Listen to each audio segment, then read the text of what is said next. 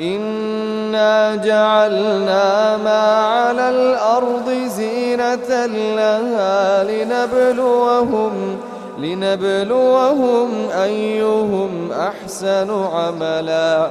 يعني كل اللي على الأرض هذا جعلها الله زينة. طيب لماذا يا ربي جعلت اللي على الأرض هذه زينة؟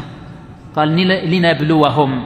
كلمة لنبلوهم هي مفتاح الموضوع كله لأن الدجال يأتي للابتلاء. للاختبار فحنا الآن نبغى نركز على قضية الابتلاء هذه لنبلوهم.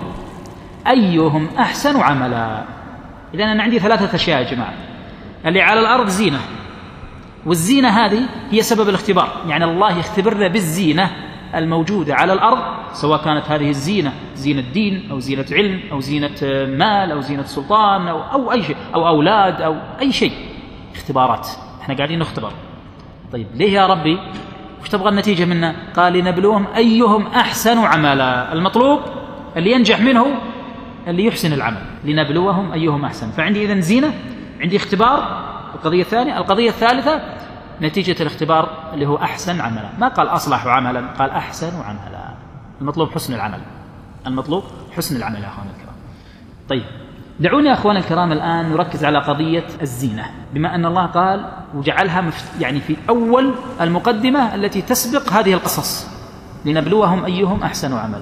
ثم إيش قال بعد ذلك؟ وإنا لجاعلون ما عليها. اللي قبل شوي كان إيش؟ زينة. ولا لا؟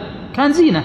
وفتنا به الناس اختبرنا به الناس. نجح من نجح ورسب من رسب. هذه الزينة وإنا لجاعلون ما عليها صعيدا جرزا. سنذهب كل هذا.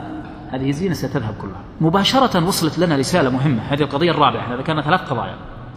وصلت لنا رسالة. إن الزينة هذه اللي إحنا مفتونين فيها وش نهايتها؟ ستزول. أولاد سيزولون مال سيزول سلطان سي... فقط هذا التفكير بحد ذاته لو وجد عند الإنسان أعطاه اعتدال في ومنهج اعتدال في حياته كلها. أنا والله أنا عندي فلوس وعندي تجارة وعندي لكن أنا عارف أنها بتروح كلها وش أسوي؟ على طول أذهب إلى عمل خيري وأفعل في شيء. أفيد نفسي قبل ما تروح أنا عارف أنها تروح كلها لكن إذا كنت ما أفكر هذا التفكير أدخل مع صاحب الجنتين على طول هناك. حتى لو كنت مسلم حتى لو كنت في القرن هذا الآن أكون أنا مثل صاحب الجنتين. أتزود من هالمال وأنكر فضل الله فيه. لا زكاة لا صدقة لا معاونة للناس لا شكر لله بل معاصي وذنوب ومصائب.